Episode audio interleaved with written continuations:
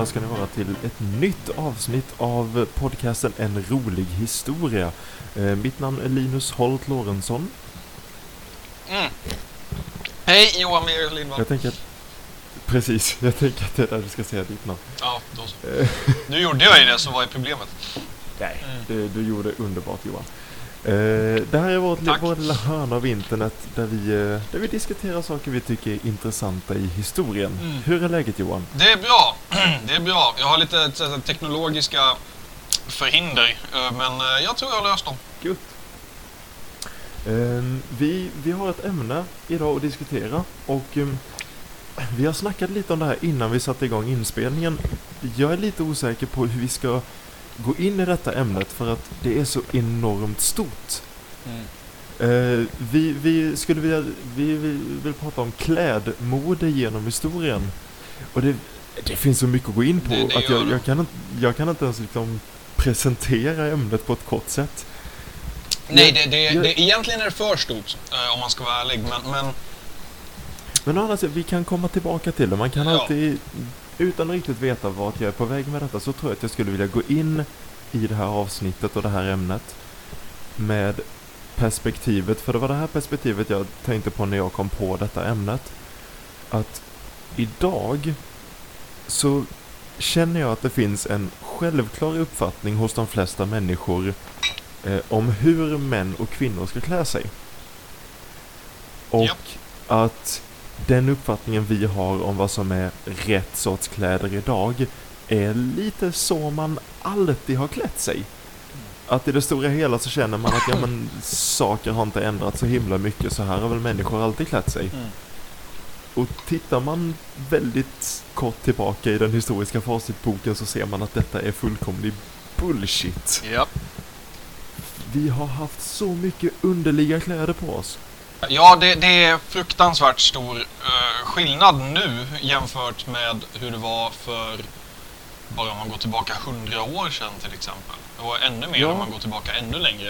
Eh, mode verkar ju ha varit en sån sak som inte alls varit konsekvent genom historien på något vis. Det känns, alltså, inte minst, nu kommer jag trampa i klaveret fullkomligt för jag kan ingenting om konst eller konsthistoria. Men jag får ändå känslan av att man kan datera typ en målning oftast genom att bara titta på vad folk i målningarna har på sig. Mm. För att kläder är så sjukt tidstypiska. Sen, sen får man ju naturligtvis ha i åtanke att alltså, det där kommer ju vara olika även från land till land, uppenbarligen. Eh, Men jag tror även om man Självklart. tittar på samma plats så är det två väldigt olika eh, sätt att klä sig. Med ganska kort eh, eh, tidsskillnad egentligen, tror jag. Och där säger, där säger du en bra sak som jag tror kan vara bra att nämna för att eh, inte gå in på allt för djupt vatten att det finns nog en risk att bli lite eurocentrisk, bli lite Europafokuserad eh, i ett sånt här ämne. Titta lite för mycket hemma och inte se all enorm mångfald som finns överallt vad det gäller klädmode. Man, man, man, ser ju det man ser och man har ju växt upp i det man har växt upp i och det kommer ju självklart färga hur vi väljer att se på saker och ting. Eh, på gott sant. och ont. Kanske mest ont, men det, det är som det är.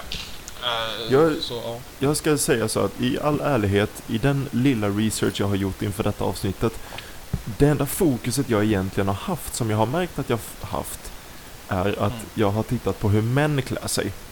Ja. Och det har absolut ingenting att göra med att jag tror att eh, manligt mode är mer intressant i historien än kvinnligt mode. Snarare tror jag det är tvärtom. ja. Men igen, tittar jag på idag så känner jag att män i så mycket högre grad än kvinnor är de här är de som har synen att nej, män ska ha byxor Mm. och, och t-shirt och slips om det är fint och så har det alltid varit, så kommer det alltid att vara. Och eh, inget annat än det. Och det är så fel, för fan vad män har haft på sig konstiga saker. Jajamän. Så ja, jag går nog in lite i detta bara för att försöka övertyga män om att vi borde gå tillbaka till att ha på oss tights och peruker och jag, jag saker. skulle våga påstå att män har en ganska begränsad repertoar av, av, av klädesmöjligheter. Eh, eh, eller det finns ju rätt mycket att ta på sig men lik förbaskat så är det mycket som också förnekas män i, i, i alla fall i den traditionella bemärkelsen. Tänker du eh, i nutid då eller i historien? Jag tänker eh, till stor del i nutid faktiskt. Men, men om man tittar historiskt, ja. Det finns ju saker de inte hade på sig även då. Eh, det där har ju gått, alltså. Jag ska inte säga att det är helt genomgående, men när, när man talar vuxna så har ju män och kvinnor generellt sett haft olika typer av kläder på sig. Eh, Ja. Sen vad de kläderna har varit har ju varit väldigt högst varierande. Eh, Eller ja, det är men, men eh, och det, det, så är det ju faktiskt även nu. Även om det finns kanske en, en större vilja idag att eh, eh, vara inkluderande för, för eventuella överlappande synsätt och eh, viljor att klä sig på olika vis. Det finns kanske en större frihet eh, om inte annat idag och det är väl en av anledningarna varför jag överhuvudtaget kan prata om det på det viset. Eh, för att säg för 40-50 år sedan hade vi väl säkert bara tänkt att det var självklart att man klär sig på ett visst sätt. Eh, och, och det var ingenting Ja. att ens diskutera. Det har du rätt i och diskussionen finns nog idag men jag, jag vågar ändå påstå att eh, jag tror fortfarande självklarheten finns. Jag tror fortfarande den underliggande självklarheten om hur man ska klä sig finns kvar även om den utmanas Ja. väldigt mycket idag. Ja. Det finns ju, det finns väl en öppenhet. Vi kanske är, vad ska vi säga, i början på eh, eh, ett, nu talar jag som väldigt optimistiskt kanske, men alltså ett utplånande av eh, normer för hur man får och inte får klä sig. Man kan hoppas i alla fall, mode kommer ju alltid finnas. Jag skrev faktiskt ner innan en fråga som rör det här väldigt mycket. Ja. Och jag tänker inte ställa den nu. Ja. För jag vill komma tillbaka till den sen. Okej. Jag har försökt leta reda på när det här med mode började. Mm. Och hur länge vi har brytt oss om mode. Ja. Och de källorna jag har hittat säger att den här tanken om att klä sig efter ja, något annat än att det ska vara funktionellt Mm. Verkar komma i det forna Egypten. Okej. När är det forna Egypten? Det. Ja. Det specificeras inte men jag skulle tro ganska tidigt. Jag skulle, alltså jag skulle kunna tänka mig det jag verkar få, få fram är att alltså när civilisationer byggs upp och när högkulturerna börjar komma ja. så blir det en grej och jag tror att det är för att då har du tillgängligheten. För mycket verkar ha legat i materialet, vilket material du använder för att framställa dina kläder och vem som har råd. Det blir ju självklart en klassfråga direkt, Så vem som har ju. råd att ha på Det sig. är vad klart. som- Det är klart. Och där, där är det ju ganska uppenbart egentligen att det är knutet till eh, eh, när, när de här eh, ja, för, för, till en början då flodkulturerna, kanske innan det, men, men det, det blev väl som störst där kanske då att, att i Egypten, eh, eh, Mesopotamien och, ehm, eh, och Indien då, att när de kanske växer fram så blir det väl eh, lite mer, ja, samhällen ändras ju och då desto fler folk på en och samma yta så kommer ju man börja kanske eh, titta mer på varandra och döma varandra och, och ha åsikter om vad man bör och inte bör göra och se ut och så vidare. Och då, är det Ja men det tror jag och jag, jag tror egentligen inte att man ska lägga in det på en grej, att det handlar antingen om rikedomar eller om åsikter om varandra eller om social klass eller om yrke. utan Jag tror att det är en stor, ett stort hopkok av allting. Mm. Och det, det tror jag egentligen att det alltid, det antar jag att det alltid har varit, att så fort du har möjligheten att klä dig på olika sätt, du måste inte bara tänka på att det ska vara funktionellt, så tror jag att du kommer blanda ihop allting vad det handlar om social klass och, och stil, fan vet jag, sexualitet Mm. och, och att jag skulle tro att det redan på Egypten var en väldigt komplex fråga Ja. gällande mode. Sen vet jag inte. Det kan ha varit mycket mer eh, rakt upp och ner tydligt gällande klassamhälle och vad du har för möjlighet, hur du har möjlighet att klä dig. Ja. Det vet jag inte, det ska, ska jag egentligen inte säga Jag, jag, skulle om, nästan, jag skulle nästan, eh, om jag ska göra en vild gissning, tro att det handlar mycket om att visa på att jag, jag, jag, jag är högre upp än vad du är eh, genom att framhäva mig själv på ett sätt att ja, men jag har kanske mycket guld eller ja, fina material av olika former som är svåråtkomliga eller någonting i den stilen för att framhäva att jag är en, jag är en lyckad människa i det här samhället. Det skulle jag tro. Och det, jag skulle tro att, som du säger, det här med att klä sig efter mode och att visa sin klass tror jag absolut kom uppifrån. Att det kom från rika som eh, distinkterade sig som rikare Ja. Och att fattigare människor troligtvis säkert fortfarande klädde sig i de kläderna man hade möjlighet att klä sig i. Men att det Absolut. blev tidigt en distinktion mellan vem som var normal och vem som var rikare. Det tror jag definitivt och att man generellt sett ofta vill bli eller framhäva åtminstone sig själv som rikare än vad man kanske egentligen är. Ja, Att Och det, det är ett in- sätt att, att visa upp en bild av sig själv. Det här är ju uppenbarligen någonting som människor verkligen känner mycket inför. Det ser man ju idag också på hur människor visar upp bilder av sig själva på, på Instagram och, och, och vad heter allting? Hjälp mig. nej, det tänker jag inte göra. Fan, Jag vill att världen ska veta hur inkompetent du är när det gäller sociala medier. internet, internet. eh, ehm, Kom ihåg vad du tänker säga för att jag vill, jag vill bara göra en avstickare och berätta för alla lyssnare att det enda anledningen att jag kan prata med Johan som är min kusin det enda anledningen att jag kan prata med honom minst en gång i veckan är att jag har laddat ner WhatsApp på min telefon. För det är det enda typen av social media som Johan vet hur man använder. mm. Inte Facebook, inte Messenger, inte Snapchat. I alla fall, förlåt, fortsätt. Ja, eh, I alla fall. Eh, jo, eh, sociala medier. Vi använder ett samlingsord så det blir enkelt. Eh, det, det, det visar väldigt tydligt på att folk vill visa upp en bild av sig själva. Ofta tror jag inte den bilden alltid helt och hållet överensstämmer med verkligheten. Men jag tror det finns ett begär som jag inte ser någon anledning till varför det ska ha varit annorlunda förr i tiden. Och jag tror kläder och mode och, och smycken och allt sånt eh, väldigt gärna har den effekten att det visar upp en bild av dig själv som du anser vara bättre än Ja, eller en ja, smickrande sådan helt enkelt. Behöver inte vara Absolut. bättre eller sämre. Att du vill visa en smickrande bild av dig själv. Mm. Men det jag tror kan vara lite annorlunda där idag från förr i tiden är just att det du vill göra idag är att du vill visa en smickrande bild av dig själv snarare än att du vill göra det tydligt vilken klass du tillhör. Ja. För jag hittade en annan eh, källa eh, och nu hoppar jag 4000 år framåt ungefär Så man gör. till 1700-talet. Mm. Och då läste jag, det här är inte så himla forskargrundat, det var en artikel jag hittade detta i. Men de la, eh, författaren till artikeln la fram tanken att när vi kommer in på 1700-talet Mm.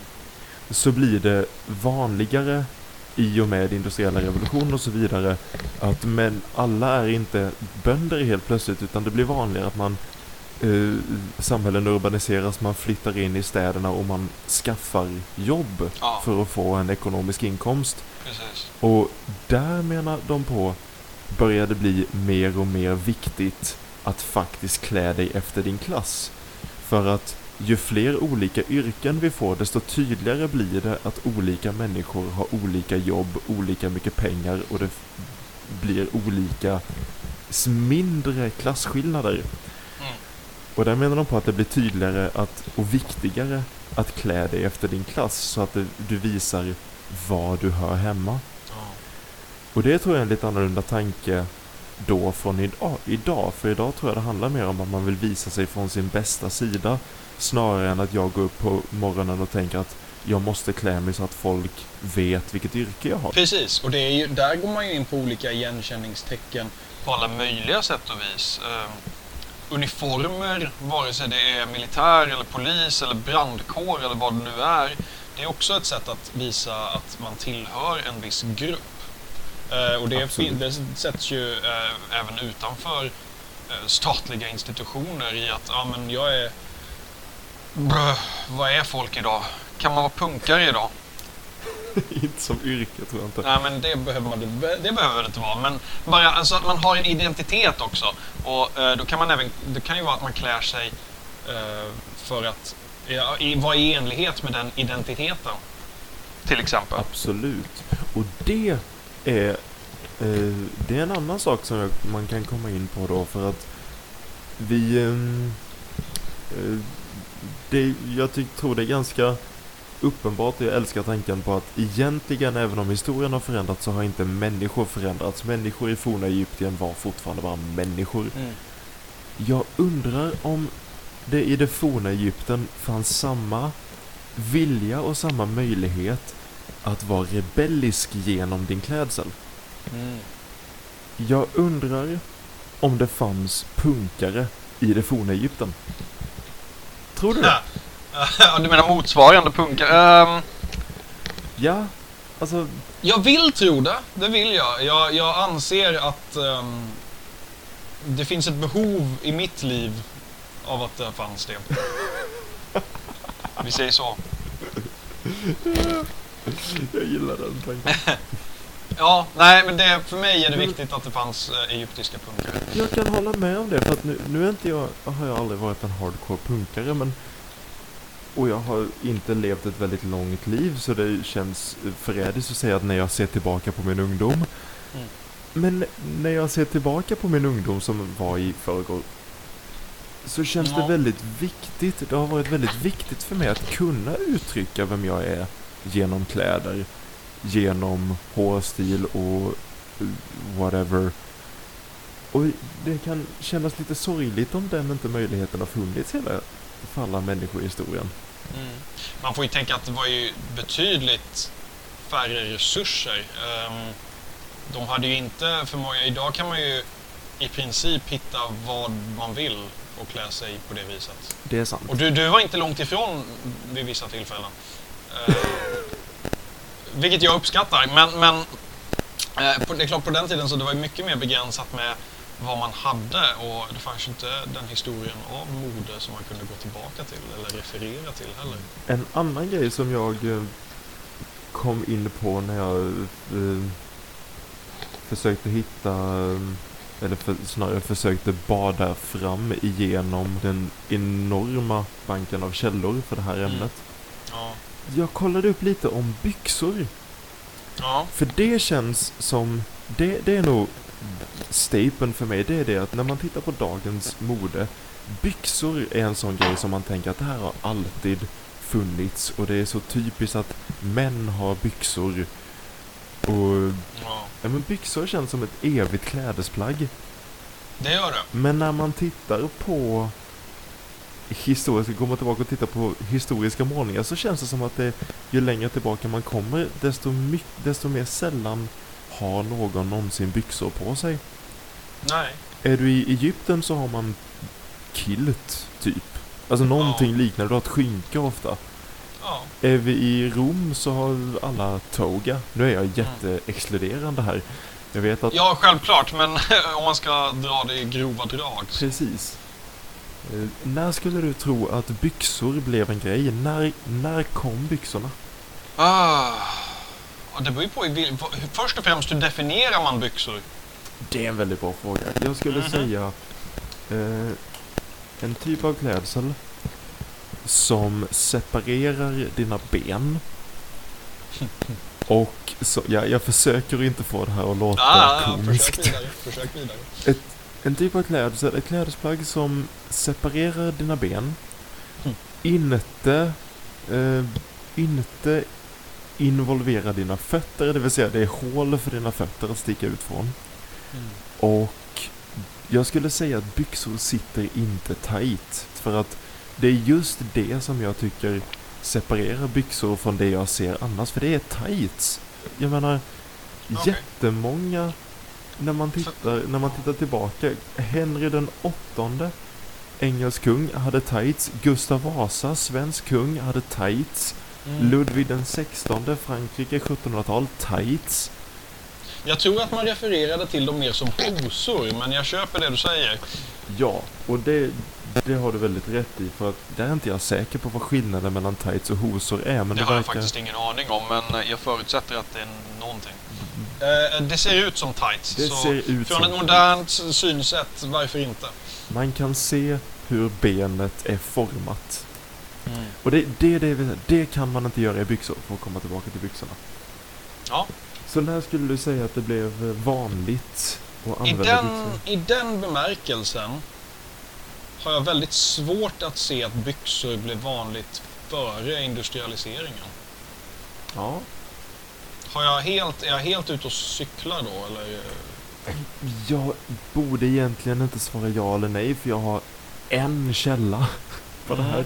Mm. Eh, Jag har en källa som ger oss ett datum på när det blev vanligt. Och det Okej. säger att det blev eh, en ganska vanlig affär att, att ha på sig byxor i Europa på 700-talet. 700-talet, okej. Ja. Och det de hänvisar till där är att eh, det var efter att det romerska imperiet hade fallit. Och eh, många arméer som blev så att säga bärande och som blev ledande i Europa la ganska stor militär fokus på hästryttare. Ja. Och det kopplar, det kan jag koppla till den underbara anledningen till varför byxor uppfanns överhuvudtaget. Mm. Vilket var för att det var sjukt mycket lättare att rida på hästar om man separerade sina ben när man klädde på sig. Mm.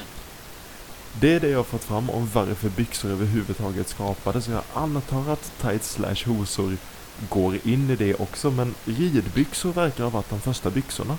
Det, har du en lång dress eller klänning eller kilt på dig, kvittar väl lång eller kort, men om dina, byx- om dina ben inte är separerade genom klädesplagget du har på dig så blir det mycket mer obekvämt att rida på en häst. Det är lite intressant då att eh, byxor inte kom fram tidigare, för man red ju på hästryggar i tusentals år innan dess. Det tror jag att det gjorde, för jag har också hittat en källa som säger att det absolut eh, tidigaste paret byxor man har hittat eh, hittades i Kina och Mm. verkar vara ungefär 3000 år gamla. Ja, ja, okej. Eh, och där, men där gör de också en koppling till hästar, för där i den källan jag hittade så kopplar de de här byxorna och den tiden till att det var ungefär vid den här tiden man börjar använda hästar Ja. i Kina. Så det finns en tydlig länk mellan byxor och hästar. Och jag tycker det är fint. Ja. Det, det, det köper jag. Jag tror att hästar har på många sätt och vis varit eh, ganska centrala i hur vi har tänkt kring kläder kanske överlag. För att eh, man, man, vill ju, man red ju så pass mycket att man kanske var tvungen att anpassa en hel del saker. Kanske inte bara byxor men, men även ja, annat. Hästar har alltid varit modeskapare helt enkelt. Ja, jo men precis. Det har ju varit eh, det huvudsakliga transportmedlet i jag vet inte hur många tusen år. Så berätta för mig då Johan, vad är det som gör i din högst akademiska och expertliknande position, Ha. vad är det som gör att byxor vinner över hosor och tights? Varför har vi byxor idag? Varför kör vi inte tights? Vet du vad? Ingenting. Och ehm, jag ska komma med en, ett exempel på det om, från modern tid. Eh, det, det, det är helt och hållet en modegrej. Och det har ju börjat komma tillbaka framförallt för kvinnor då. Att faktiskt eh, gå runt med tights ganska, ganska kontinuerligt egentligen. Ja. Eh, vare sig det är med, med, med någonting över eller om det bara är att gå runt med sig yogabyxor eller någonting. Det har ju blivit ganska vanligt. Och anledningen till det är ju för att det är bekvämt. Ehm, det är ju betydligt mer bekvämt egentligen att gå runt med det än att det är att gå runt med jeans. Eh, Det kanske det är. Ja, har- men det är det. Det är det. Och, och det kanske... Sen är det ju det. Och sen kan jag ju personligen tycka att jag ser bättre ut i jeans. Men där är det ju en modes... Det är ju en modesgrej. Det är ju någonting jag tycker för att det är så jag har blivit uppväxt. Till, och det är liksom någonting som har fäst sig i mitt huvud sedan barnsben för att det är så jag har klätt mig. Ja, och jag, jag tänker att det måste vi... Det, ska den här konversationen fortgå så, så måste vi vara överens. Och då tror jag vi är överens om det att du och jag tycker, eller till och med tror, att vi ser bra ut i jeans. Mm. För, det, för det är det man tror just nu. Mm. Men hade vi tagit med oss ett par jeans och åkt tillbaka 500 år i tiden så vi... Så Ja, vi hade sett absurda ut. Ja men eller hur? Vi hade sett absurda ut, det hade vi. Och det, det är så det funkar. Det är så det funkar och det är det, det säkert hemska på många sätt men också det fina med mode att det, det har ändrats hela, hela tiden. Mm. Jag vill koppla in det på eh, ett, det tydligaste exemplet jag har på mode som har ändrats. Och som har ändrats nu, nu blir mer nära i historien för det här har ändrats drastiskt de senaste hundra åren. Mm. Och det är eh, blå och rosa Ja, som färger på um, kläder för män och kvinnor. det, det har du helt rätt i. För det, det där är ju en sån sak, du får rätta mig om jag har fel nu. Men från början så var distinktionen ganska liten. Men sen började man eh, tänka mer att man skulle könsbestämma färgerna lite mer. Och då var rosa den manliga färgen från början och blå den kvinnliga, eller hur? Yes! Det här är, det här är min absoluta favoritfakta att dra fram eh, i klassrummet för eleverna. Ja. För att det, och det tror jag är för att det är så väldigt in, impregnerat i hjärnan idag att blå är en killfärg och rosa är en tjejfärg. Ja. Men jag har, jag har ett utdrag här ur en artikel från eh, den eh, amerikanska tidningen Ladies Home Journal från 1918 där eh, någon har ställt en fråga gällande just blå och rosa. Ja. Och eh, svaret, det de skriver, eh, jag tar det först på engelska och sen på svenska. Det de Yes. skriver är The generally accepted rule is pink for the boys and blue for the girls. The reason is that pink, being a more decided and stronger color, is more suitable for the boy, while blue, which is more delicate and dainty, is prettier for the girl. Så den allmänt Delicate and dainty. right. Så den allmänt accepterade regeln är rosa för pojkar, blå för tjejer. Anledningen att ros är att rosa som en mer bestämd och stark färg är mer lämplig för pojkar, medan blå som är mer känslig och fin är gulligare på flickan. Och jag det jag tycker är så kul med den här artikeln är att den här hade kunnat skriva 2017 om man bara bytte ut färgerna. Mm. De säger ju exakt samma saker om blå här som de säger om rosa idag. Det är det. Och det, det här talar ju verkligen om hur godtyckligt det är. Precis. Och att det, det betyder ju egentligen ingenting. Och det är ju det här som är... Det är egentligen det som är det intressanta. För att färgerna betyder ingenting alls som sådant. Det som är intressant egentligen är hur man verkligen måste könsbestämma då. Ja, och det tror jag... Det känns, det är mycket som drar åt att det här, speciellt med blå och rosa, har varit en väldigt kommersiell grej. Eh, jag har ett, ett annat exempel, inte ett utdrag, men ett exempel från 1927.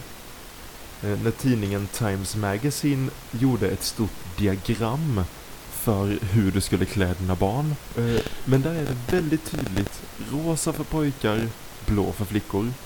Drar vi tillbaka klockan, nu är vi på 20-talet.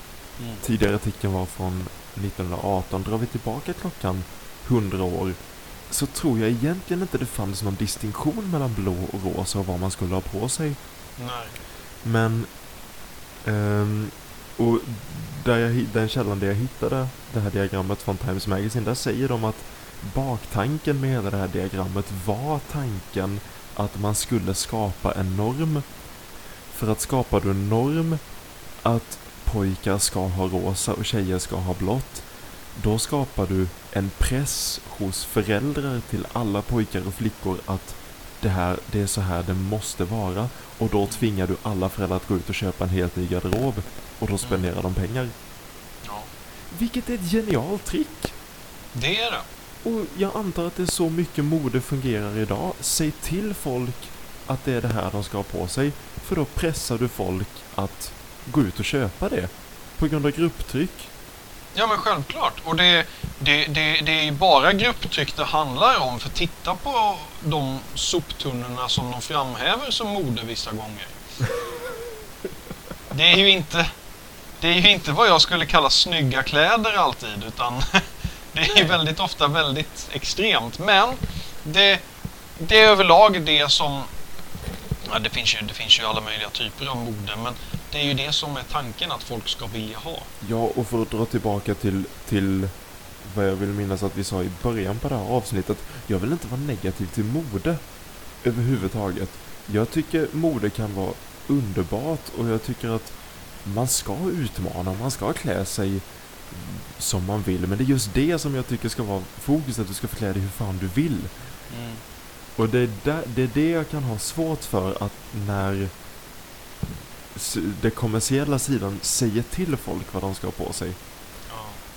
För det är ju nästa grej att, som jag tror är, gör det väldigt tydligt med blå och rosa, att här handlar det inte bara om att säga till folk vad de ska ha på sig, utan här handlar det om att säga till föräldrar vad deras barn ska ha på sig. Mm, Och det tror jag är den absolut, vill du få in ett mode och ett grupptryck hos folk, självklart ska du göra det hos barn, för att Mm. vilken förälder vill att ens barn ska bli mobbat för att de har fel kläder på sig? Precis, Det är precis. ju jätteenkelt att få dem att gå ut och köpa en helt ny garderob. Det, det, det, så är det. Det är bara att, att övertyga föräldrarna om att eh, det är det här de ska ha och så kommer det lösa sig självt. Sen den andra intressanta sidan är ju varför detta har förändrats. För på ett sätt är det ju en kontinuitet, det är ju samma sak idag fast vi har, vi har helt enkelt bytt plats på de här färgerna. Mm. Blå är för pojkar idag och rosa är för, för Ja, tjejer. precis, men det är exakt samma koncept. Jag, jag har inte riktigt hittat... Jag har hittat olika källor på varför det här hände. Vissa säger att det helt enkelt helt enkelt förändrades, alltså lite i samma koncept som varför det började. Att man, man fick för sig att nu ska vi ändra stilen. Ja, Ehm, jag har själv, och jag, jag vill säga att jag har nog gått i fällan för det här. Det här verkar vara sant. Och jag tror detta hade med saken att göra, men jag tror inte det här är hela anledningen lika mycket som jag har sagt eh, till, till många av mina elever att det är hela anledningen. Men på 30-talet, 40-talet, när Hitler kommer till makten i Tyskland, Mm. så eh, när han gör sin väldigt hemska uppdelning och utrensning av människor så tvingade han eh, homosexuella att ta på sig en rosa triangel. ja, Vilket gjorde att färgen rosa blev mycket mer förknippad med femininitet. mm. Och att det hjälpte till, och jag tror det verkar vara sant att det hjälpte till att stärka den här feminina, eh, kvinnliga sidan hos det rosa och göra det, den färgen mer tjejig. ja. Sen tror jag inte det är hela anledningen, det verkar absolut inte vara hela anledningen, men jag tror att det kan ha haft med det att göra i alla fall. Ja. Det, det är fullt möjligt. Sen tror jag till någon gräns kanske det kan vara så enkelt som att det handlar om, om efterfrågan kanske. Att ja, men, det kanske bara blev så. Ja. Och sen så eh, liksom folk började tycka på ett sätt och sen så var marknadsföringen tvungen att följa efter för att kunna sälja saker. Ja, men det tror jag absolut du kan ha gjort rätt i. Jag tror inte det var hela förklaringen, men jag kan tänka mig att det har varit en del av det. Igen, jag tror det här är alltför komplext för att säga vad förklaringen är, utan det är Mm. en del av förklaringen. Ja, det, så är det. jag tror alltid det finns olika. Precis. Jag tänker att det börjar dra, dra sig mot slutet av det här avsnittet. Ja. Eh, men jag vill komma tillbaka till frågan jag lovade att jag skulle komma ihåg ställa. Ja, just det. Se, jag kommer ihåg. Wow. Vild gissning. Utan någon expe- expertis, men jag vill ha ett, ehm, jag vill ha ett svar. Hur klär sig människor om hundra år? Ha, Det där är en stor fråga. Det är en sjukt stor fråga. Framförallt eftersom så fruktansvärt mycket kan hända på hundra år, definitivt nu.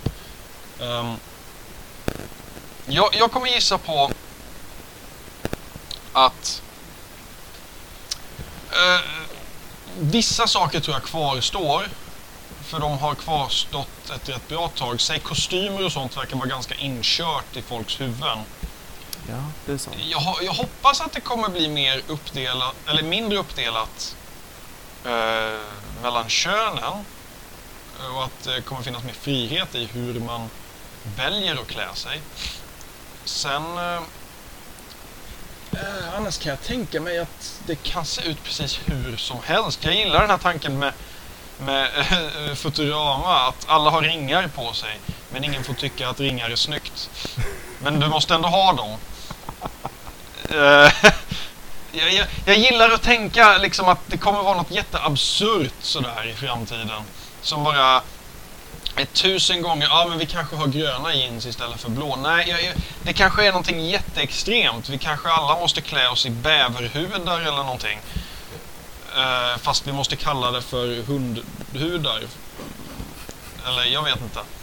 Vi får dem att se ut som hundar och sen så är det, men det är ändå det här för att det är bättre kvalitet. Bävrar gör sig bättre som hundar än Vad jag hoppas hundar gör. fel. Jag vet inte. Eh, Det, du förstår vad jag menar. Det, det, det, det kan bli jätteextremt och allting tror jag hänger lite på samhällsklimatet överlag. För jag har en känsla av att modet speglas till stor del av eh, samhället det eh, kommer ifrån. Ja. Eh, och eh, de värderingar och eh, sådant som faktiskt existerar i det samhället av två skäl. Delvis för att eh, främja och förstärka de värderingarna och delvis tror jag för att göra uppror mot dem. Intressant, så en liten kontinuitet och förändring där att de värderingarna som finns ska alltid förstärkas och motverkas i någon Mm. sorts balans. Ja, men jag tror det, någonstans är det så. Men samtidigt, ibland kan man ju tycka att mode bara är totalt... Det, det är någon som har suttit och tagit en fruktansvärd massa knark och sen hittat på någonting totalt befängt.